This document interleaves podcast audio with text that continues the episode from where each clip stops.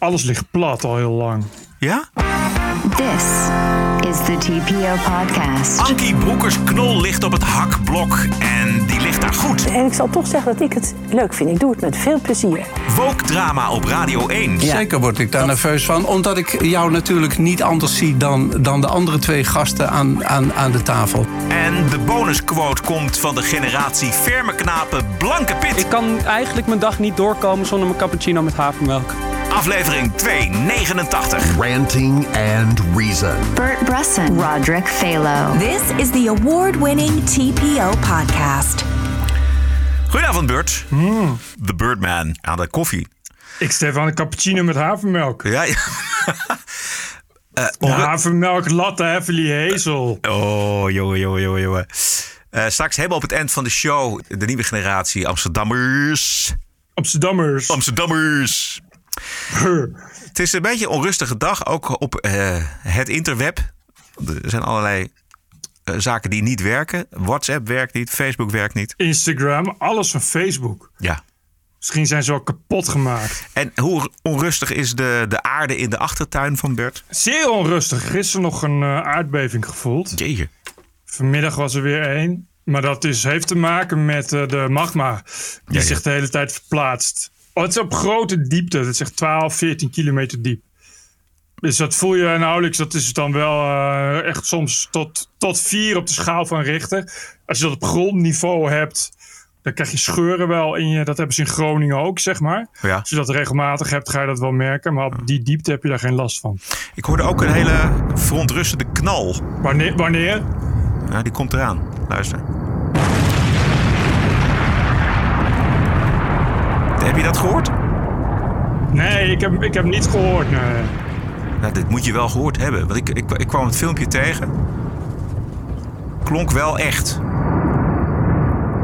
op zich is die kegel die is helemaal ingestort nu. Oké. Die, die kegel dat we- die, die zeg maar de kratenmond vormt. Dus dat kan het zijn. En anders, ik weet wel dat het, eh, het een zeer heftige, intense dag was qua vulkanisch geweld. De afgelopen dagen ook. Dus ik weet verder niet wat er allemaal in zo'n vulkaan gebeurt. Maar dat kan dus ook gewoon... eh, het, je ziet regelmatig ook van die filmpjes en dan zie je inderdaad van dat soort knallen. eh, en dan zie je echt de schokgolven door de wolken trekken, zeg maar. Dus er zal er regelmatig een soort van gas, eh, Dat gasexplosie en zo voorkomen. Die man die filmde die kegel en op een gegeven moment ging het helemaal mis. Ja, er zijn er meer filmpjes. Laatst ook, eh, ook twee van die... Dat, ja, dat zijn gewoon wetenschappers die er continu in de buurt zijn. Die moesten echt, echt schuilen achter, eh, Jezus, ja. achter een rotsblok van plotselinge eruptie. En dan zie je ook eh, echt, echt secondenlang zie je de lucht helemaal vol met stenen die dan over hun heen komt. Lekker Je kan daar, ja, je kan, dat is de reden waarom. Eh, als je ook ziet de mensen die het filmen, die zijn op een enorme afstand. En de reden is dat het, het gaat de hele tijd zijn er erupties. En daar, daar krijg je echt in de wijde omgeving komt er dan eh, allemaal, eh, ja, het zijn flinke brokken die, ja. die naar beneden komen. Ja. Vanavond is het maandagavond, het is eh, 4 oktober. Korte Ja. formatie. Het is een week eh, van de inhoudelijke gesprekken wat de formatie betreft tussen VVD, D66, CDA en ChristenUnie. Wat is er nog te bespreken, kun je je afvragen, want ja, alles is toch al duizend keer besproken. Maar zo gaat het in Den Haag. Het kabinet eh, komt er sowieso, want D66 op min 7 zetels en het CDA op min 10 zetels in de peiling van Maurice de Hond afgelopen zondag. En ondertussen liggen ook eh, opnieuw twee leden van het kabinet onder vuur. Minister van Financiën Wopke Hoekstra en staatssecretaris van Asielzaken Ankie Broekers-Knol. Hoekstra die heeft 12 jaar geleden 26.500 euro geïnvesteerd in een start-up voor ecotourisme in Afrika. Die start-up die stond geregistreerd op de Britse Maagdeneilanden. Een belastingparadijs, eigenlijk net zoals Nederland. Het journaille ging tegen het plafond aan. En Nou. dit zijn twee journalisten van FD en Trouw die de nieuwe Pandora Papers hebben ingezien. Wij hebben niet eh, kunnen vaststellen dat hij hier eh, fis- eh, fiscaal voordeel uit eh, heeft eh, gehaald. Ehm, hij heeft ook die aandelen weer verkocht, zoals je al zei, eh, voordat hij minister was, vlak daarvoor. En hij heeft eh, wel een rendement eh, geboekt van ongeveer eh, 20%. En dat heeft hij dan geschonken aan een, aan een goed doel. Precies, 4800 euro heeft hij geschonken. Maar als het dus mag en als hij geen misbruik heeft gemaakt van die gunstige belastingregels daar, wat is er dan aan de hand, Carlijn? Kijk, hij heeft niks fout gedaan. Ehm, en voor zover we kunnen vaststellen, heeft hij dus inderdaad ook geen belasting ontweken of zo. Dus ik zou zeggen, Ja. klaar is Kees. Ik, ik, ik begreep het ook niet. Het werd ook echt eh, op, op zondagavond laat Ja. groot gebracht. ja, dit was Nieuwsuur. Als, als, eh, als de grote scoop. Ja. En dan ga je. eh, Dus ik ging- ik ging ervoor zitten, popcorn erbij, alles. Ja. Weer een bewindslied met pek en veren de deur uit. En dan is het een keurig verhaal van ja. Ik heb voordat ik minister werd, heb ik dat allemaal keurig netjes verkocht. Ja. En je denkt ook in eerste instantie, ja, dit, het gaat om grote bedragen. Want jij gaat niet op de Maagde-eilanden, ga je niet eh, voor een paar tientjes zitten Nee. met de belastingconstructies. Ik denk, nou, die, die Hoekstra die heeft nog een dag voordat hij werd beëdigd nog even een paar miljoenen daar weggetrokken, weet je Ja. wel, in het zwart. En dan, nee, nee, ja, het was gewoon eh, een, een van de bedrijfje van een vriend. Een goed doel ook in Afrika met dieren. En wat heb ik dan overgehouden? Ja, 4000 euro Ja. winst. Die heb ik aan een goed doel overgemaakt. Nou, Ja. dan ga zak in soufflé, zal ja, ik zeggen. Ja, precies. Maar dat kon natuurlijk niet, want eh, ja, eh, beeldvorming natuurlijk, hè? Maar de, de Britse Maagdeilanden en belastingparadijzen in het algemeen zijn eigenlijk de afgelopen jaren steeds meer in een kwaad daglicht komen te staan. Na de economische crisis en na publicaties zoals de Panama Papers in 2016 is er steeds meer kritiek gekomen op, op het misbruik van belastingparadijzen. En dat maakt het opvallend dat hij er tot 2017 nog in zat. Opvallend, dat is het Ja, eigenlijk. Dat is de eindconclusie, opvallend. Kijk, hij, zegt inderdaad zelf ook van ja, ik had nou niet echt een idee eh, dat, dat, dat op bedrijf daar gevestigd was. Want het is, was een of andere vriend die. die en, dan, en dan kun je nog zeggen, ja, maar dat liegt hij. Dat, wist hij natuurlijk wel. Maar, maar voor wat? Voor 20.000 euro? Ik, ik, ik, ik, weet- ik weet zijn loopbaan niet. Maar ik weet nu al zeker dat vlak voordat Hoekstra minister werd, hij ook al prima verdiende, zeg maar. Dus eh, ik denk niet dat hij daar, weet je, echt, echt van wakker heeft gelegen. Of hij daar, wat hij met die 20.000 euro zou gaan doen. Of hij daar belasting over zou moeten betalen. Eh, en ten tweede, ja, voor, voor, voor, voor nul winst die hij weggeeft. Je- Het is gewoon niks. Nee, het is niks. Dan Broekers Knol. Zij had zaterdag een interview in het AD. Waarin eh, zij twee- eigenlijk twee dingen zei, waar meerdere dingen, maar twee dingen waar dan Tweede Kamerleden eh, voor tegen het plafond gingen. Eén, er liggen 23.000 Afghaanse verzoeken voor asiel in Nederland. En als die hun familie meenemen, doet u dan maar maal vijf. Dus komen we uit op 100.000 Ja. Afghanen. En dat gaat niet lukken, dat gaan we niet doen. En twee was, het is slecht voor Afghanistan als iedereen die kan lezen en schrijven daar vertrekt. Ja. Want brain drain, en dat helpt het land er niet bovenop. En nou zijn wij, dat weet u best, wij zijn best kritisch op mevrouw Broekers-Knol. Maar de rekensom klopt volgens mij wel.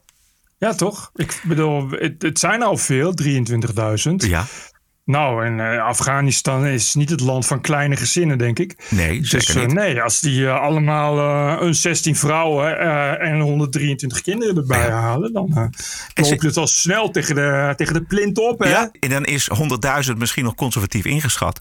nee, en- precies. En waarom zou je na al dat misplaatste optimisme ineens niet uitgaan van een worst case scenario? Waarom zou je dat niet eens een keer doen? Ja, dat snap ik ook niet. Ik snap ook niet, wat was het probleem? Was het weer kwetsend? Jeetje. D66-Kamerlid Bel Hatch die zei: Ik heb maar één woord voor haar uitspraken: afschuwelijk. Ach, Hè, dus dan gaan, we gaan weer beeld vormen. ChristenUnie, Don Zeder, hier uit Amsterdam, die zei: Deze uitspraken doen geen recht aan de mensen die voor de Nederlandse missie gewerkt hebben. Hoezo dan? Ze zegt toch niks over die mensen verder? Precies. Ze zegt alleen dat het er dan heel veel zijn. En dat zijn er honderdduizend. En al die honderdduizend die hebben geld nodig. En moeten eten. En hebben een woning nodig. Dus die willen ook een sociale woning. Dus die komen dan weer voor de mensen die al 23 jaar op de wachtlijst staan. Dus dat is problematisch. Juist, en- Elke asielzoeker is problematisch. Dat staan honderdduizend. Wat is daar nou weer het probleem van? Nee, daar is- Ik- dat is toch ja. niet per se. Heeft toch niks met die mensen te maken? Nee. Bovendien zitten alle opvang al helemaal vol. Het is heel goed, denk ik, van Broekers-Knol dat zij zich voorbereidt en in gedachten heeft Ja. 100.000 Afghanen. Katy Piri van de Partij van de Arbeid zei harteloos en hersenloos. Goh, het lijkt wel alsof je in 1972 weer aankomt. Alsof er de afgelopen 50 jaar nul debat is geweest. Niemand ooit iets over asielbeleid heeft gezegd. Piri zei ook nog dat eh, het idee over de brain drain, dat dat gewoon ziek is. En toen dacht Want? ik, ja, je mag dat niet zeggen. Er leeft in Nederland een gedachte van we moeten alle Afghanen redden. Ja, ik weet het niet. Volgens mij bestaat uit Afghanistan uit Kabul en dan nog wat kleine steden en dan vooral uit het platteland. En op het platteland kan niemand lezen of schrijven. Nee. Dus, dus het is inderdaad een brain drain. Dat er zijn dan niet zo heel veel mensen met een, met een goede opleiding. Nee. Dus ik, daar uh, heeft uh, uh, Ankie Broekes Huppelepup helemaal gelijk in. Je kan daar nu niks mee, want onder de Taliban zal het niet echt opschieten met het, met het niet brain drainen. De nee. Taliban is op zich een brain drain. Ja, precies. Dus dat lijkt me een no-brainer om het toch in de brainsfeer te houden. Ja. Maar het is wel een observatie die gewoon klopt. En dus dat is volgens mij passend bij een beleid waarin je gaat zeggen: ik, ik, voer een voorzichtig beleid en laten we kijken wat we binnenhalen en wat, het, wat het betekent als we al die mensen binnenhalen. En hier gaat het denk ik vooral om tolken. En mensenrechtenactivisten. Dus het zijn allemaal opgeleide mensen. Mensen met een, met een netwerk, met een, met, met een bepaalde kennis. Nou, onder de Taliban kunnen ze daar niks mee. Maar wie weet, hè? Is de Taliban straks weer weg? Je weet het niet, het zal wel niet. Sterker nog, ik ben bang die nog honderd jaar zitten. Maar dat is een manier, inderdaad, een hele goede manier om je daarop voor te bereiden. Precies. Over wat voor getallen zouden we het in het slechtste geval kunnen hebben? Nou, dat zijn er misschien 100.000. Nou, dan, dan is de conclusie: we laten ons niet overvallen daardoor. Dit kunnen we niet aan, 100.000 mensen. Dus uh, laten we kijken hoe we dat gaan, gaan managen. En dus niet 23.000 uh, e-mails en verzoeken met ja beantwoorden. Want als die vijf gezinsleden meenemen, dan, zijn we dus, dan komen je dus automatisch uit op, op 100.000 mensen. En dus, dat gaan we niet redden hier in Nederland. Dat Nee. gaan we gewoon niet redden. En, eh, ik- we kunnen niet alle Afghanen opvangen. Nee. Dat kan wel, maar wat je dan kan doen is gewoon een heel groot land ergens in de buurt van Azië en Pakistan nemen en daar alle Afghanen zetten en dan noem je het Afghanistan. Ja. Dat Ja. zou wel kunnen. Ja. Maar dat is dan ook echt de enige manier waarop je alle Afghanen kan opvangen. Ja. Ja. Nee, maar het wordt allemaal weer gespeeld natuurlijk vanuit de emoties. En vanuit dat het schandelijk is. En dat, het, dat je moreel zo niet kunt praten. Dat mensen geen cijfers Ja. zijn. Geen en getallen. eh, heeft Sjoerd Sjoerdsma al gereageerd? Sjoerd Sjoerdsma is volgens mij eh, t- tot de orde geroepen. Ja. Die is heel stil hè, ineens. Ja, Telegraaf kwam vandaag met een groot verhaal over dat het rommelt binnen D66. Omdat ja, Nou. toch de, de oude keurige generatie van eh, de Terlouwen, zullen we zeggen. En Tom de Graaf, maar ook Ja, ja, Boris van der Ham. Nee. Oh, Boris van der Ham. Ja, Boris, Ja. Die, die trekt het ook niet. Dus die hebben daar allemaal opmerkingen over gemaakt. Dat je niet op die manier kunt omgaan met een oei, oei, informateur. oei. Ja. Oei, dat is geen eh, kleinigheidje. hè? Nee, nee we, we hebben het vorige, keer al gezegd, eh, weet je nog Bert. Dat wordt lastig binnen die partij volgens mij. Dit zal geen prettig weekend zijn geweest Nee. voor uh, Soetsma en Kaag en eh, alles wat daar zo omheen hangt, denk ik. En terecht. Nou, inderdaad, terecht. Woensdag is er dus een debat in de Tweede Kamer met Broekers Knol. En zij is de enige bewindsvrouw die in dit Afghanistan-dossier nog niet is opgestapt. Hè? Misschien eh, gebeurt dat alsnog Nou, aanstaande is woensdag. ook de enige bewindsvrouw van de VVD die nog nooit is opgestapt, überhaupt, denk ik. Nee. In haar, in haar carrière. Nee. Wat wel opvallend was, was dat ik gisteravond, gistermiddag, eh, kwam er echt een persbericht van de Rijksoverheid. Met daarin eh, de verklaringen van Broekers Knol. Dat is het allemaal niet zo had bedoeld. Ja, oh ja, dat. En, en, en sorry.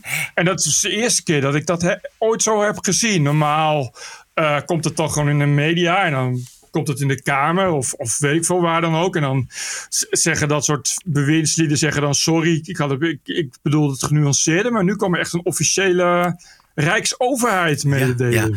Ze had zelf al een, een beetje een voorzetje gegeven in dat interview. Want ze had gezegd, ja, dit zal mijn voorlichter wel niet zo mooi vinden. En, en toen kwam dat verhaal over die 100.000. Dus eh, ja, ze had het een beetje Je- uitgelokt. Je ziet die voorlichter betrokken en eens wegtrekken, zeg maar. eh. Ja, en bovendien ook een beetje, nou ja, je bent bijna weg, maar ik zal nog eventjes me laten gelden. Dat kan die ook gedacht hebben. Maar ik ben wel echt oprecht verbaasd dat het zoveel voet in de aarde heeft, ook zo'n interviewtje. Ja. Eh, en een beetje opmerkingen, wat ik zeg, die toch al eh, eigenlijk twintig jaar gemeen goed mogen, als, als gemeen goed mogen worden beschouwd. Ja. This is the TPO podcast. De Zweedse cartoonist Lars Vilks is verongelukt. Nou ja, verongelukt. Ja. Hij tekende in 2007 de profeet Mohammed als een hond. Moslims over de hele wereld woedend. En wat doen moslims die woedend zijn? Die zetten een beloning van 100.000 dollar op iemands hoofd. En dat bedrag kon in 2015 bijna gecashed worden toen hij in een cultureel centrum in Kopenhagen werd doodgeschoten. Bijna werd doodgeschoten, maar nu is het dus gelukt. Uh, volgens de politie kwam de cartoonist op de verkeerde weghelft terecht. En dat was het einde voor Lars Vilks en zijn twee bewakers. Ja. Er is alle aanleiding, vind ik, om uh, te denken dat dit geen ongeluk was. Nee, ook omdat het. Toen ik het eerst las, dacht ik van ja, het zal een provinciale weg, maar het is gewoon een gescheiden snelweg ook. Ja. Met, een, met, een, met een middenscheiding. Uh, ja, ik, ik kijk ongeluk gebeuren natuurlijk. Maar je gaat toch denken dat, uh, dat dat is wel een heel raar ongeluk. Ja, het vond ook een raar ongeluk. We hebben er helemaal... Dit, de politie houdt nog alle mogelijkheden ja, open ook. Dus, ja. uh, wat natuurlijk niet zo raar is als je er een prijs van een ton op zet om iemand om te leggen. Ja. En het is inderdaad uh, bij, bij die aanslag in Denemarken waar je het net over had, kwam iemand anders om. Dat was de verkeerde cartoonist. Ja, precies. Dus wat dat betreft is hij er maar net aan het kopen. Ze hebben een keer geprobeerd zijn huis in brand te steken. Waarin hij en zijn gezin uh, uh, op, net op tijd uh, de dood zijn ontkomen. Hij heeft al, al meer dan 12 jaar, 14 jaar. Dus inderdaad vaste twee vaste politiemensen die hem beveiligen. Dat doe je ook alleen als je echt serieus ja. bedreigd ja. Uh, dus ja, en er is nu sprake van een frontale botsing. Je raakt volgens mij niet zomaar op de weghelft, op de, op de snelweg, op de andere weghelft. Er moet wel heel veel geks gebeuren. Ja. Of je moet heel hard rijden, dan moet je volgens mij echt 300 rijden. En dan aquaplanning, dan zou dat kunnen gebeuren. Maar frontale botsingen zijn toch altijd wel uh, binnen de bebouwde kom of op provinciale wegen, waarop je inderdaad makkelijk op de andere weghelft raakt. Dus je zou toch denken van, huh, ik weet het niet. Ja, nee, dit is een hele verdachte situatie. Ik, ik verwacht trouwens niet dat de Zweedse politie daar snel uitsluitsel over heeft. Want die doen nogal nee, lang over dat ze, soort onderzoeken. Ze zeggen nu wel ook van ja, voor zover we nu kunnen zien. Uh, want ja, het is natuurlijk het is allemaal uitgebrand en ja. zo, want ze zijn verbrand. En uh, je kan dus weinig, maar ze, ze zeggen van ja, we hebben, wat we nu weten is geen kunnen we niks, is er geen reden aan te nemen dat er sprake is van een extra impact. Dus dat ze, dat ze zijn geduwd of wat dan ook. Maar ja, dat moet je natuurlijk nog maar afwachten. Ja.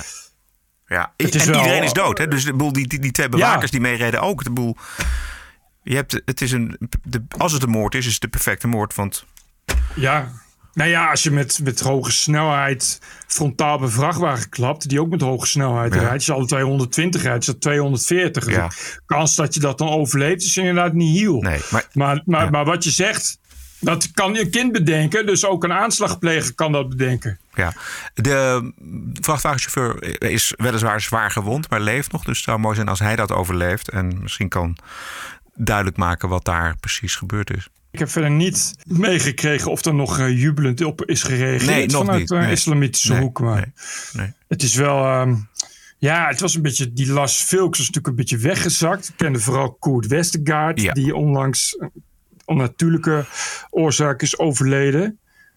Maar Lars Vilks toch, ja, weet je, dat in Denemarken die aanslag is gepleegd, dat iemand anders daarbij moest omkomen. Ja, serious target. Dus, een serious target en de schutter is dan ook doodgeschoten ja. door de Deense politie. Ja. Het is uh, iemand die uh, eigenlijk uh, langdurig de zure vruchten van tolerantie en vrede heeft moeten plukken. Ja. Heb je koffie? Ja, ik heb koffie. Met, met havermelk? yes! I was offended and I have rights. TPO Podcast. You're an adult. Grow up. Deal with it. I don't care. I don't care. Nieuws stond. Bestond voor een belangrijk deel uit berichten afkomstig uit de open inrichting. De Nederlandse ruggengraat voor neutraliteit en wetshandhaving buigt, nou zeg maar gerust kapseist, voor de agent die zijn vrouwelijke collega een hoofddoek om wil doen. Er is uh, geen stoppen meer aan, want ook de politie heeft een portefeuillehouder diversiteit. En dat is de hoofdcommissaris Martin Sitalsing van de regiopolitie eenheid Midden-Nederland. En hij zegt... Tatoeages zijn ook heel officieel toegestaan nu. En je zegt ook geen nee tegen een arts met een hoofddoek. Dus ja, wat kan je erop tegen hebben, Bert? Nou, stel je voor. Waarom zou je je politie nog uniform willen? Hè? Lekker een beetje de, uh, de gewapende macht moet je vooral inderdaad lekker islamiseren. Dat geeft een veilig gevoel voor iedereen. Lekker betrouwbaar. Ook is leuk als je gevlucht bent voor de islam uit Iran of zo. Of, of uit Afghanistan. Dan moet dat een leuk en veilig gevoel geven. Uh, ik begrijp niet waarom die, dat, dat toch de hele tijd weer zo wordt ingeduwd. Maar ik heb het artikel niet gelezen. Wat, okay. het is, het, wie was dit überhaupt? Dit, dit is dus de hoofdcommissaris Martin Sitalsing. Hij is portefeuillehouder diversiteit. En hij is, hoofd, hij is dus hoofdcommissaris van de regionale politie. Eenheid Midden-Nederland. En het parool schrijft precies zoals het is. Het debat golft al jaren heen en weer ook wel opgepookt vanuit Amsterdam. En dat is precies wat er gebeurt. Vanuit Amsterdam ja. gaat, is dit altijd een agendapunt wat er nog doorheen gedrukt moet worden. En bij deze portefeuillehouder diversiteit eh, vindt dat natuurlijk gretig aftrek. Die vindt dat prima. Dus die geeft, gaat, gaat, gaat dat weer eens een keer in een interview met het Parool roepen om te kijken hoe de reacties zijn. Hij zegt dan ook, de hoofddoek is de manier om de zo gewenste diversiteit te krijgen. Die wordt dus belangrijker dan de neutraliteit en de uniformiteit. Ja, als, maar alsof het een doel op zich is. Als, alsof het een soort, soort kerntaak van de politie is. Oh, universiteit of diversiteit bereiken. Wat, wat, wat slaat er dan op? Ja, dat... en, en dan nog, dat is dan allemaal leuk en aardig. Maar dat, dat is toch, toch niet de hoofddoel. Wat een soort een religieus symbool is.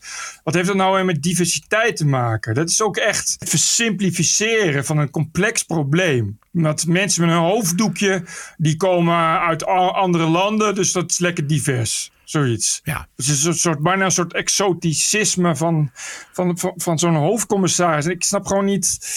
Je zegt toch ook niet, ik wil meer agenten met een keppeltje. Nee. Of, of, of ik ga de lange rok weer invoeren, zodat SGP'ers zich ook welkom voelen. Ja, er is, er is plaats voor iedereen bij de politie. Ook voor islamitische vrouwen, islamitische mannen is allemaal geen enkel probleem. Die worden ook actief geworven. Maar waarom een hoofddoek? Waarom is dat uiterlijk vertoon van een religie zo ontzettend belangrijk? Ik vind ook die vergelijking met die arts met die hoofddoek snap ik ook niet. Ik vind het echt een stupide vergelijking. Ten eerste uh, is het niet zo als ik kan kiezen tussen een arts zonder hoofddoek. Met hoofddoek ga ik naar een arts zonder hoofddoek. Uh, en ten tweede, ja, dat is wat anders. Je ligt dood te bloeden en dan komt uh, iemand met een hoofddoek op je af en die zegt: Ik ben een arts. Ja, dan zeg je niet: Oh nee, ik wil geen arts met een hoofddoek. Ik bedoel, het is een ander geval. Het heeft gewoon ook niks, niks te maken. Ik bedoel, arts is geen, geen overheidsberoep. Dus, Nee. dus het is geen. Ja, je kan dat niet. Die neutraliteit is gewoon iets wat belangrijk is, vind ik. Heel belangrijk. En, en als je dan, stel dat je het principe van die neutraliteit, uiterlijk vertoon, uniformiteit overboord gooit. En jij noemde al agenten met keppeltjes. Stuur ze maar Amsterdam-West Ja. in. Agenten met keppeltjes. Ja, ik begrijp gewoon die. die, ja, het, Die is, drang. het is een Het is- islamofiele uitspraak Ja. ook. Ik begrijp dat, dat knielen en bukken voor die islam niet zo. Daar is de politie al heel lang mee bezig.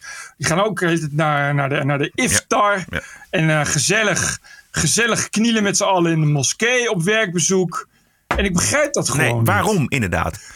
Een van de kenmerken van de woke-beweging is dat het bovenaan de agenda staat. Weet je wat, is, wat jij zei, is het nou zo belangrijk voor de politie? Nee, het is niet zo belangrijk voor de politie. Maar omdat dit thema, diversiteit, inclusie, bovenaan de agenda staat van alles. Van, van de cultuur, Ja. van, van de politie, van bedrijven, van de overheid. Het staat bovenaan. Het is het allerbelangrijkste wat er is. En dus kom je eh, terecht in opnieuw de discussie hoofddoekjes bij de politie. Ja, ik vind het echt een discussie die je niet moet willen voeren bij, bij zo'n apparaat. En, en maar ik vind het ook, weet je, het probleem vind ik gewoon ook heel erg dat je, als je gaat zeggen, ah, hoofddoekjes oké, is, eh, je, ja, het is toch een soort van het ene mag wel en het andere mag niet. Ja. Dan, wil ik ook, dan wil je ook kunnen solliciteren bij de politie als je tatoeages eh, in je gezicht hebt. Ja. Of, of met een indianentooi. Oh nee, dat mag dan helemaal niet. Dat is, ook, dat is dubbel kwetsend. Ja. Nee, maar het is inderdaad, die uniformiteit is heel veel waard. En dat, dat Ja. dreigen we nu weer ehm, met het badwater weg te gooien. En dat is nergens voor nodig. En dat is denk ik ook op termijn heel erg onverstandig.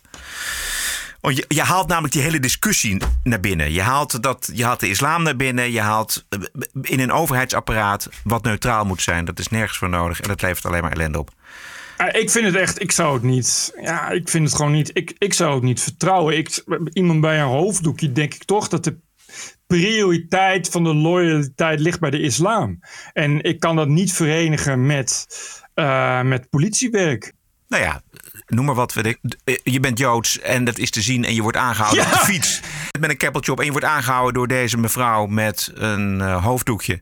Ja, dan ga je ook denken van, hé, hey, moet je mij hebben? Ja, of je bent Geert Wilders en je moet worden beveiligd door, uh, door iemand met een hoofddoekje. Ja, een overheid is neutraal, moet ook neutraal zijn, ook naar buiten toe. En zeker wat de wetshandhaving betreft. Next case. Herman Brusselmans. Ja, nou, dit is een literair festival en je weet hoe dat gaat tegenwoordig bij literaire festivals. Er komen hedendaagse schrijvers en schrijfsters. Nou, dan weet je het wel. Anyway, Herman Brusselmans is, is eigenlijk ja, nog de enige overgebleven Nederlandstalige schrijver die ook nog echt kan schrijven en ook echt leuke dingen doet. En ook uh, verder scheid heeft aan, uh, aan uh, wat je wel en niet mag zeggen. Want hij vindt, ja. als je schrijver bent, mag je ook schrijven wat je wil. Dus doet hij dat. Dus hij las een stuk voor. Dat was een column die eerder al was geplaatst op de website van Pownet, waar hij ook voor schrijft. Uh, en dat ging over de nieuwe James Bond. Want de nieuwe James Bond is uit en daar is een hoop gedoe over geweest. Of James Bond nog wel een man mocht zijn. En of ja. het dan wel nog een blanke man mocht zijn. Of dat dan niet een transgender in een rolstoel moest zijn, et cetera, et cetera. Uh, en, hij had, en hij las die column voor. En in die column zat de zin dat hij het wel een goed idee vond als James Bond een neger is. Want dan kan James Bond zeggen, mijn naam is Bond. Niggerbond. Ja, nigga. Nigga. En het N-woord is kwetsend. Dat is nog veel kwetsender dan tegelijkertijd tien baby's verkrachten en vermoorden en daarvan het bloed opdrinken. Dat is niks vergeleken bij het N-woord zeggen. Maar Herman Brusselmans, Herman Brusselmans, die vindt dat hij mag schrijven wat hij wil. Dus ook dat hij mag zeggen wat hij wil. Daar heeft hij volkomen gelijk in. Uh, nou, toen had hij, dat, uh, uh, had hij dat, die column gelezen. En toen kwam de volgende deelnemer die iets ging voorlezen. En dat was Brechtje Hofstede. Hofstede? Ja, Hofstede. Ja. Brechtje Hofstede. Ja. Brechtje Hofstede is bekend geworden van schrijven voor de correspondent. Ik denk dat ik dan niet heel veel meer hoef te zeggen. Ja, en een, en, en een boek. En een, uh, dat is op zich, ja, ja drift. Precies. Geen verkeerd boek. Maar goed, oké, okay, ga door. Anyway, Brechtje Hofstede was aan de beurt. En ook Alma Matthijssen. Alma. Matthijssen kent helemaal niemand. Op de een of andere manier komt hij wel altijd in de media. En het bekendste wapenfeit van Alma Matthijssen is niet iets dat ze heeft geschreven. Maar dat ze destijds toen uh, anti-Zwarte Pieters met massaal in de bus naar Leeuwarden gingen en werden geblokkeerd. Zat in de bus anti-Zwarte Pieters Alma Matthijssen om voor Vrij Nederland verslag te doen. Want Alma Matthijssen vindt Zwarte Piet heel erg racisme en vindt sowieso alle dingen heel erg die heel recht zijn en alles. Die kent het wel. Anyway, dus toen moesten die twee meisjes, Brechtje Hofstede en Alma Matthijssen, uh, waren aan de beurt. En die zijn toen opgestaan en weggelopen. Want ze willen niets te maken hebben met festivals waar het N-woord wordt gebruikt. Ja. En toen ze wegliepen, riepen ze dat ze verwachten dat de organisatie zich daarvan distancieert. Ja. Nou, Herman Brusselmans dacht. Nou, dat gaat die organisatie natuurlijk niet doen. Want ik ben Herman Brusselmans. Ja. En dit is een, een, een, een, festival voor literatuur, dus voor het vrije woord. Nou, dus kwam er iemand van de organisatie. Die pakte een microfoon. En die zei: Wij distancieren ons van alles wat met het N-woord te maken heeft. En toen is Herman Brusselmans ook maar naar huis gegaan. Want zijn hond zat te wachten ja. bij die erbij. Ja. Dat was een enorme Uiteraard. Ja. En uh, vandaag heeft hij daar op de post online een column over geschreven. En ik zou even een stukje voorlezen. Ja. Ik lees nu voor van Herman Brusselmans. Doch, wie is die Brechtje Hofstede? Nou, ze is een titloos vaktotem. Een ontwijfde minkukel die in Nederland een soort van speerpunt is voor de kwakkelende woke-generatie. Ze schrijft onleesbare columns voor het praktisch niet te ontcijferen internetblad De Correspondent. En ze is frontwijf van De Bovengrondse. Een feministische club die zich inzet, zoals feministen meestal zonder resultaat doen, voor de rechten van de vrouw. Je kan daar, uh, over, als dat soort dingen gebeuren, enorm over zeiken. Maar je kan ook geheel in stijl blijven en doen waar je goed in bent. Namelijk, Ja. namelijk Ja. en nog eens overheen gaan Ja. met een grasmaaier en een vlammenwerper. En eh, die twee eh, dames die lokken dat ook eigenlijk uit als je het zou kunnen, zou Heel kunnen erg. zeggen. Want ik heb vandaag even wat, ook wat dingen ge- bekeken en gelezen van hen. En zij zijn nou twee exponenten van een, een generatie die zichzelf zo onvoorstelbaar serieus neemt. Ja, het is verschrikkelijk. Dus dat je, dat je dus inderdaad een, eh, op zo'n festival dan dit soort dingen gaat roepen, dan moet je dus wel denken dat je de wereld verandert en, dan, en dat jouw mening een verschil maakt en dat je, dat je opnieuw gaat afdwingen bij een directie of een organisatie dat Brusselmans vertrekt. Precies En dit is gaat. Ja, dat is precies Dit is het. Ja. enige wat dit soort mensen doen, is opstaan en weglopen. Omdat ze elke keer iets zoeken om te kunnen opstaan en weglopen. Ja. Want ze weten dat elke keer als ze dat doen, ze weer in de aandacht komen. En dat het weer om hun draait. Want Ja. nu draait het festival weer om hun. Ja. Je kan het allemaal, eh, allemaal, allemaal vies vinden wat Brusselman schrijft. En je kan vinden dat je, dat je het N-woord niet mag gebruiken. Dat is allemaal prima. hè, Maar ga dan niet naar een literair festival. Val de literatuur daar toch niet mee lastig? nee. Met dat ontzettend bezopen wookgeneuzel Ja. elke keer. Ja, het toch op. Ja. Ga dan lekker naar de avond van het NSC. Met alleen maar... Oh, trouwens komt daar Joep van Dek. Die mag tegenwoordig ook niet meer. Of ga, ga leuker naar, naar een spoken word eh, avond. Waar eh, Amanda Gortman ook komt, weet ik veel wat. Zoek het lekker op met al die andere leuke mensen. Naar een leuk debat in de Rode Hoed met Ernst-Jan Fout en de redactie van de correspondent. Dan ben je helemaal op je plek, weet je. Laat de literatuur nou Ja. toch eens met Ja. rust in Ja. godsnaam. Bah, ze doen hier iets wat kwetsend is. Ze hebben de safe space niet voor mij ingericht. Nou, flikker dan ook lekker op en blijf dan ook weg, godverdomme man. Ander eh, belangrijk evenement eh, van- uit de cultuur, namelijk eh, de grootste lol over de nieuwe opzet van de Gouden Kalveren, de filmprijzen. Het moest allemaal genderneutraal, dus eh, geen mannen- en vrouwencategorieën meer. Nou, dat ging niet helemaal goed. Eh, niet één vrouw in de belangrijkste categorieën. Dus er is al veel over gezegd, maar ik vond het toch even aardig om te noemen in de Woke Week. Everything woke turns to shit. Die zag je aankomen, hè? Die zag je heel erg aankomen. Maar goed, het was natuurlijk wel grappig dat dan zo'n organisatie eerst gaat mekkeren over dat eh, de kalver genderneutraal moet worden. En vervolgens helemaal geen enkele actrice kan vinden. Oké. ehm, Overigens, Ja. eh, die gouden kalver, er is niemand die dat ook een reet interesseert. Nee, hè? Want dat werd dan live, live uitgezonden via zo'n talkshow op één, geloof ik. Ja. Eh, en daar keken dan maar 250.000 mensen naar. Er hadden nog nooit zo weinig mensen naar die talkshow gekeken op de NPO. Dus dat zegt al wel iets hoe populair die gouden kalven zijn. En ik begrijp van eh, mensen die nou ja, een beetje in de filmwereld zitten of in de acteerwereld eigenlijk ook. Dat ze allemaal de gouden kalven tot op het bot haten. Dus ik zou zeggen, misschien is het gewoon ook een mooi moment om ermee te stoppen met je hele gesubsidieerde eh deugdfestivalletje. Want het kan eigenlijk ook helemaal niemand nog interesseren. Een kleine, maar prestigieuze academie, de S- Universiteit van St. Andrews, laat studenten pas toe als zij verklaard hebben voor diversiteit, inclusie en duurzaamheid te zijn. En dat eh, begint met dat het erkennen van de persoonlijke schuld het juiste begin is van het bestrijden van onbewuste vooroordelen. Dus Waar- waar is dit? Dit is in eh, St. Andrews. En Ja, dat is een heel dat klein is waar. in, in Engeland. Ah, oké. In Great Britain. Gisteravond bij GB News. Even more worrying statements than that. There's one question about equality, and it asks students, Do you think that equality should mean treating people the same? And the answer is no. equality. no. The answer is no. So the if you correct know answer is the no. dictionary definition, Absolutely. you're gonna fail. Because today you have to see equality might mean treating people differently in order to get the correct outcome. Eh, moet je dan iets ondertekenen of zo? Ja, ehm, met een lijst vragen. Ben je ervoor dat iedereen op een gelijke manier wordt behandeld? En dan zeg je, ja, dat, dat, dat klinkt goed. En dan is dat een verkeerd antwoord, want je moet zeggen, nee, gemarginaliseerde groepen, die moeten anders behandeld worden. Die moeten namelijk een voorkeursbehandeling krijgen, want het is belangrijk dat de uitkomst gelijk is. Zo werkt dat in het woke-onderwijs. Dat is toch wel grappig. Maar ik heb nog een, nog een veel erger verhaal. Eh, Ja?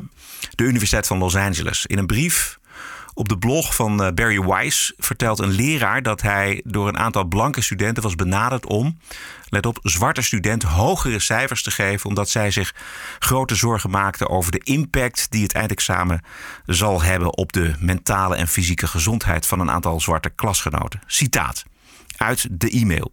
Ja. De onrechtvaardige moord op George Floyd en het gewelddadige gedrag van de politieafdeling van de Universiteit van Californië hebben geleid tot angst en bezorgdheid, die verder worden verergerd door het onevenredige effect van COVID-19 op de zwarte gemeenschap. Nu we de finale week naderen, erkennen we dat deze omstandigheden zwarte studenten een oneerlijke academisch nadeel bezorgen vanwege traumatische omstandigheden die ze niet in de hand hebben. De docent die krijgt dus deze e-mail van zijn blanke studenten. En die docent die antwoordt dat hij het daar ja, dat hij daar niet mee akkoord gaat. En dat hij het bovendien denigerend vindt voor die zwarte studenten, deze ongelijke behandeling. En s'avonds begon er, nadat hij die e-mail had gestuurd, aan die, dat antwoord had verstuurd, begon er een lastercampagne met doodsbedreigingen tegen hem. Jezus. 20.000 studenten ondertekenden een petitie voor zijn ontslag. Universiteitsbestuur in paniek, want te weinig zwarte en Latino-professoren aangesteld de laatste jaren. Dus weet je, dus zij zeggen, kijk onmiddellijk naar hun bestand, eh, professoren, docenten. En ze zagen, oeh, dat is misschien iets te wit. Dus docent geschorst. Jezus. Onderzoek van het Bureau Discriminatiepreventie van de universiteit deed onderzoek naar deze zaak en vond niks onoorbaars wat de docent betrof. Ehm, en hij kreeg ook nog 76.000 handtekeningen uit de hele academische wereld die rehabilitatie van de man eisten.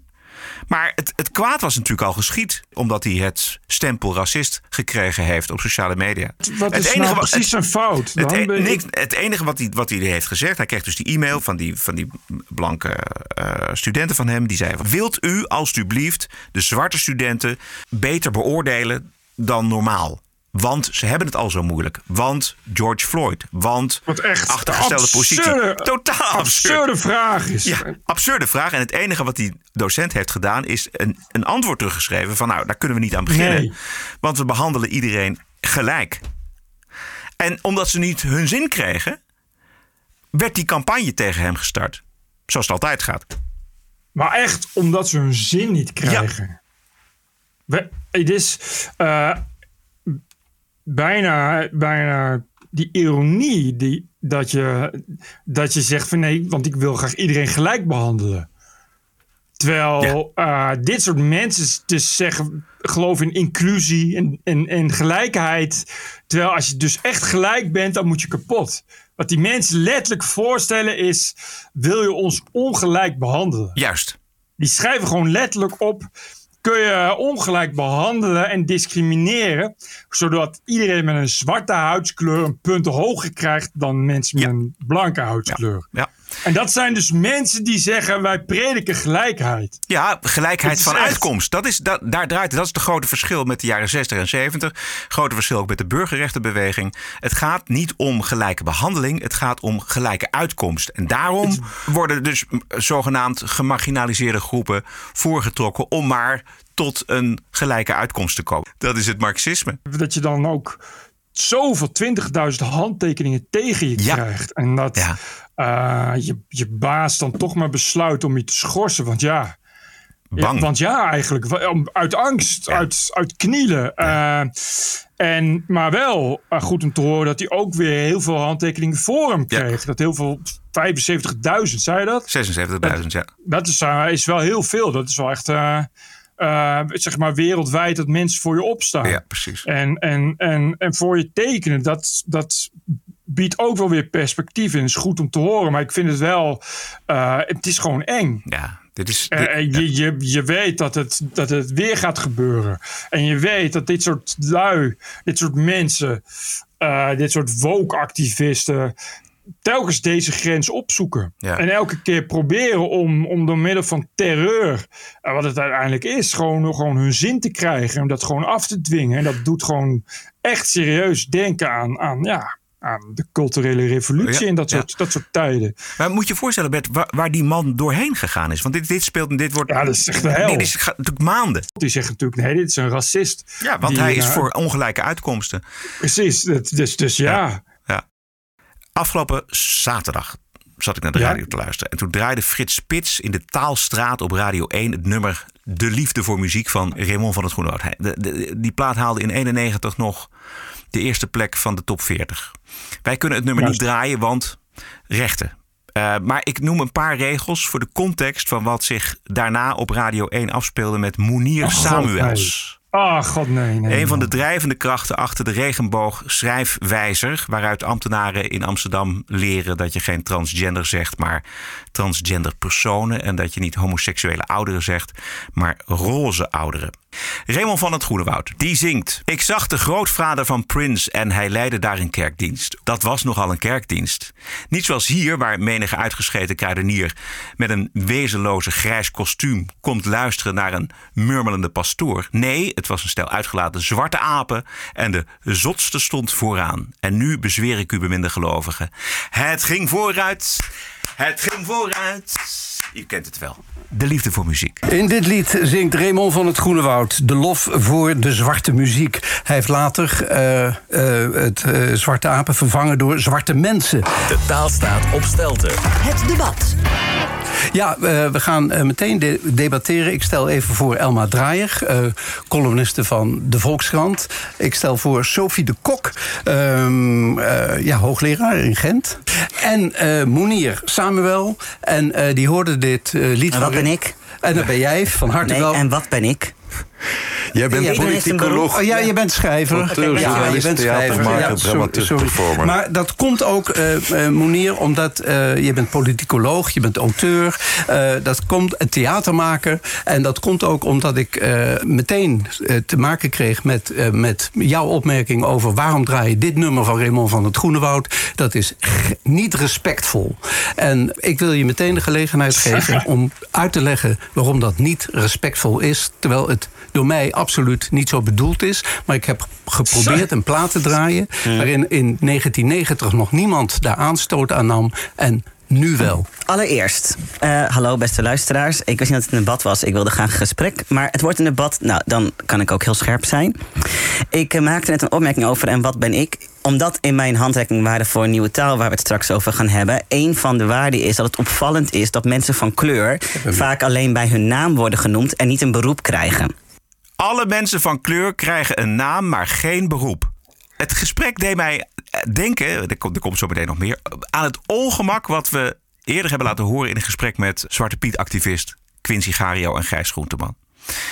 Want ook deze Moenier Samuels, hypergevoelig, want extreem achtergesteld. En juist bij een presentator die nou ontzettend van goede wil is, Frits Spits. Voor mij gaat het echt om gelijke monniken, gelijke kappen. Maar, maar Monier, dat ben ik helemaal met je eens. Maar het feit, uh, kijk, we hebben een opzet voor dit debat gemaakt. Yes. En die, op, dat opzet, die opzet, die, uh, je hoort het ook wel aan mijn stem. Uh, die, ja, je wordt die er nerveus ja, van. Ik word er ja, nerveus van, zeker. Ja. Zeker word ik daar Dat- nerveus van. Omdat, omdat ik het... eh, om, eh, Omdat je het goed wil doen. Nee, omdat... Nee, nee, nee, omdat ik jou natuurlijk niet anders zie dan, dan de andere twee gasten aan, aan, aan de tafel. En het feit dat ik Mm. eh, jouw beroep niet noemde, dat was omdat je op, op het volgende blaadje van mijn, eh, van mijn script stond en dat ik het even zo gauw niet las. Voor u is het, oh, maar het beroep stond op een ander blaadje. En ik denk, oh, dit is de dertigste keer dat iedereen een beroep heeft, behalve ik. En dat is denk ik de pijn die we in de samenleving hebben.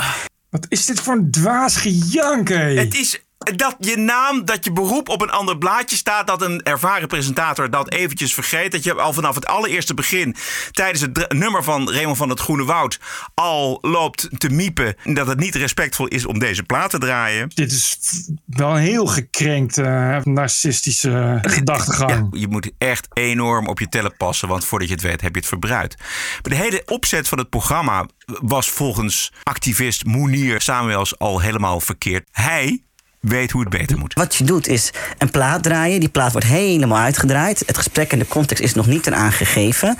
En de, on, de, de onverwachte luisteraar die aanzet... en die misschien wel zwart is of anderszins enigszins bewust... en denkt, dit kan toch helemaal niet... moet dat hele nummer boempedoempedoempeta afluisteren.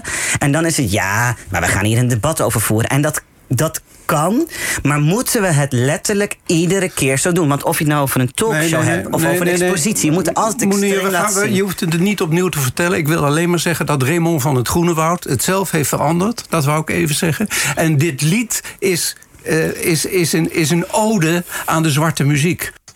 Jezus, ik vind het allemaal erg. Die Monique is erg, die Frits Spits is ook erg. Die gaat het nou echt drie keer uitleggen en excuses maken. Wat, wat een dramatisch, theatraal gejammer Ja. is dat. Wat, wat, wat al minuten, minuten duurt. En ik, je kan met dat soort dingen dan mensen ook niks.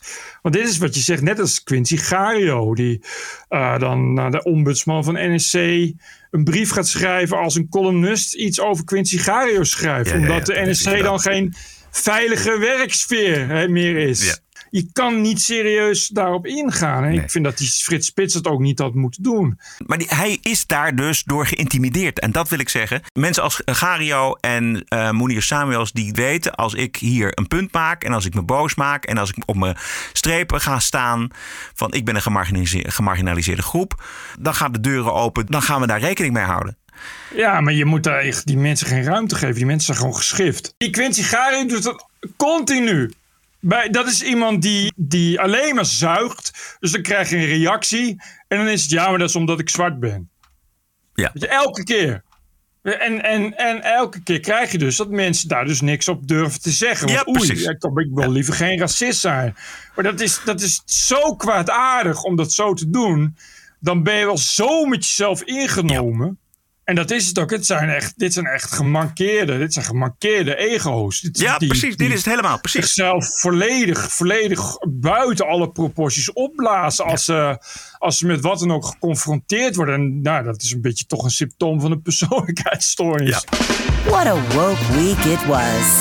This is the TPO Podcast. TPO Podcast. De TPO-podcast wordt je twee keer per week aangeboden zonder subsidie, zonder reclame. En dat kunnen we alleen doen dankzij jouw donatie. Ranting and Reason.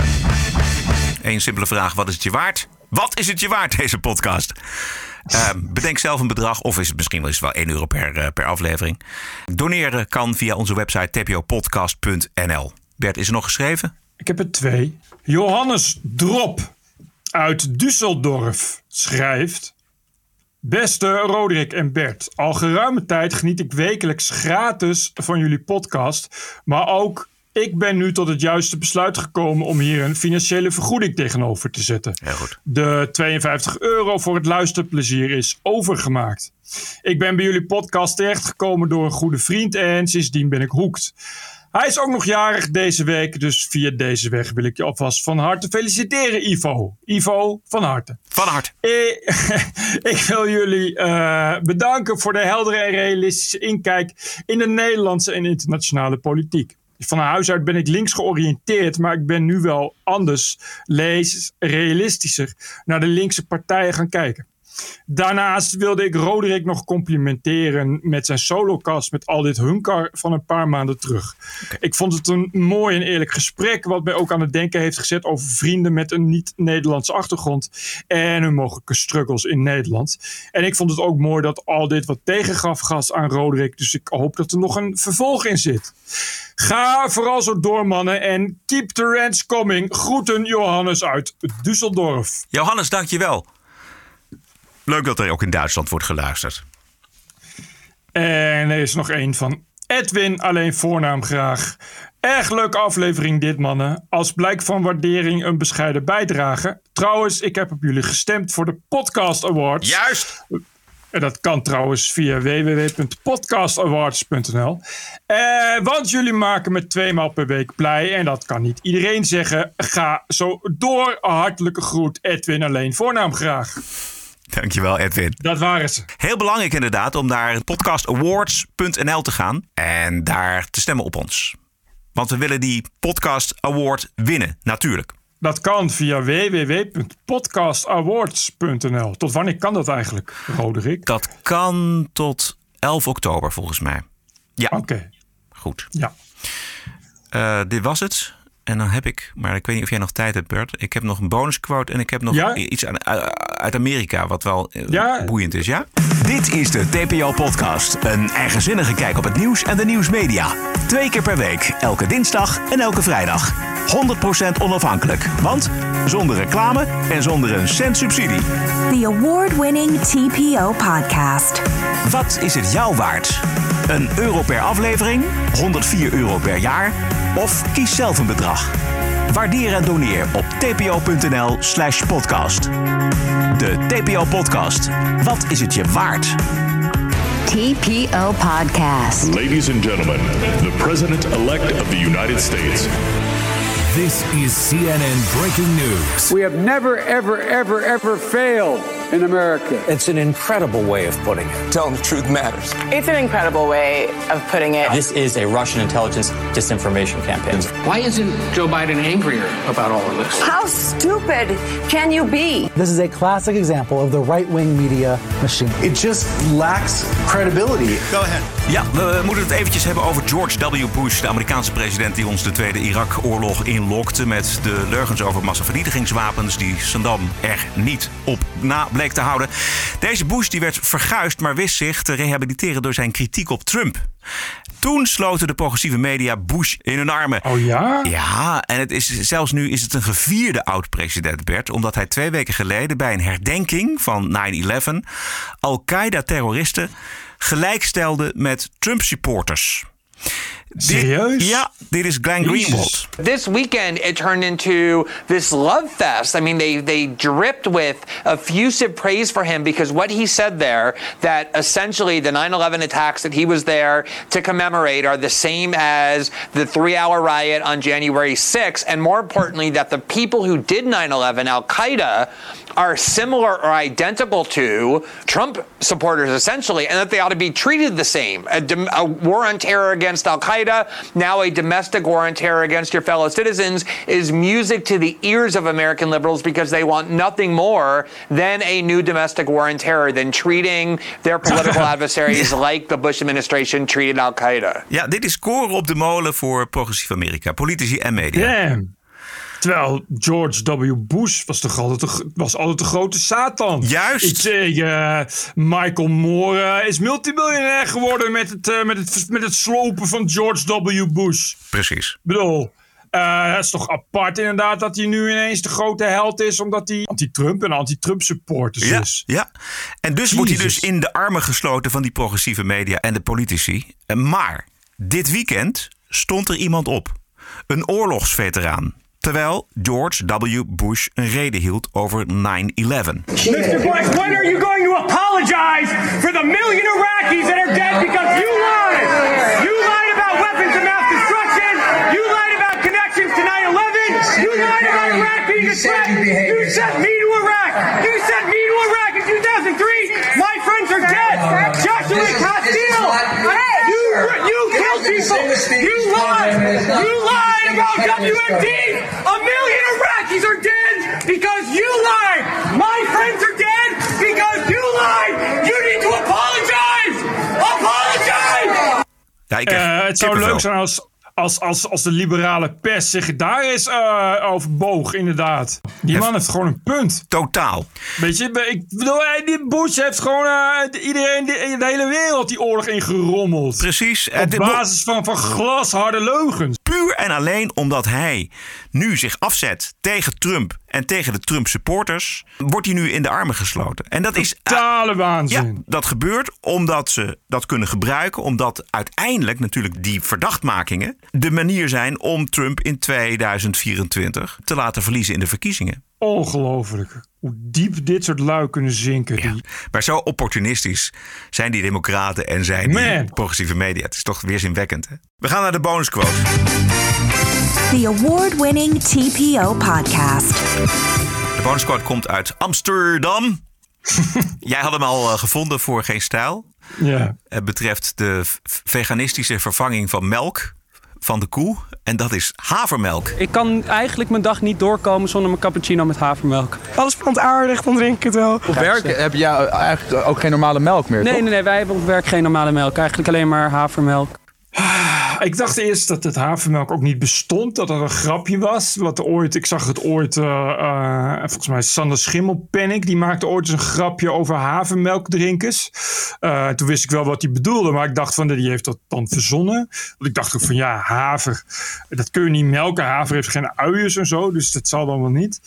Maar het blijkt gewoon allemaal echt te zijn. Maar wat mij ook verbaasde, dit is een, een filmpje van AT5 de lokale zender hier in Amsterdam. Het klinkt alsof dat het bestaansminimum voor die generatie is anno 2021. Ja, dat is dus ook zo. En als het er niet is, als er dus schaarste optreedt, zoals dat was ja. afgelopen ja. maanden, ja.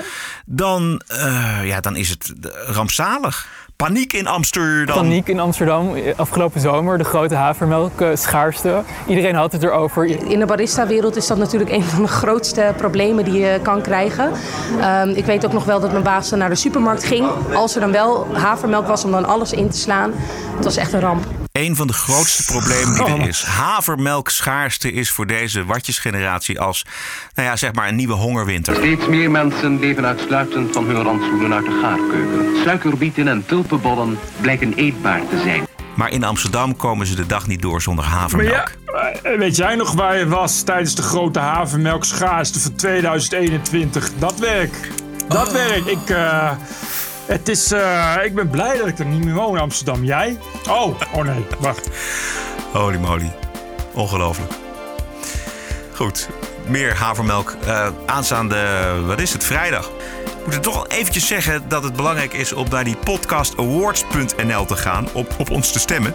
Want uh, de uitreiking is 28 oktober en Bert en ik zijn 29 oktober jarig. Dus wij willen heel graag voor onze verjaardag die Podcast Award goede reden vind ik dit. Ik ook, de beste. Podcastawards.nl wij danken iedereen voor de ondersteuning van deze aflevering 289. Ook de mensen die dat anoniem doen, bijvoorbeeld via Patreon. Waarderen en doneren, dat kunt u doen via tpopodcast.nl. En als u wilt schrijven, info.tpopodcast.nl. Wij zijn terug vrijdag 8 oktober. Steek cool. En tot vrijdag. TPO Podcast. Bert Bruson, Roderick Balo, Ranting and Reason. Beste podcastluisteraars, tot vrijdag. Podcasting is the TPO podcast in the Netherlands. Bert and Roderick. What a show. I'm telling you. Keep the show running. Go to tpo.nl slash podcast. Thank you.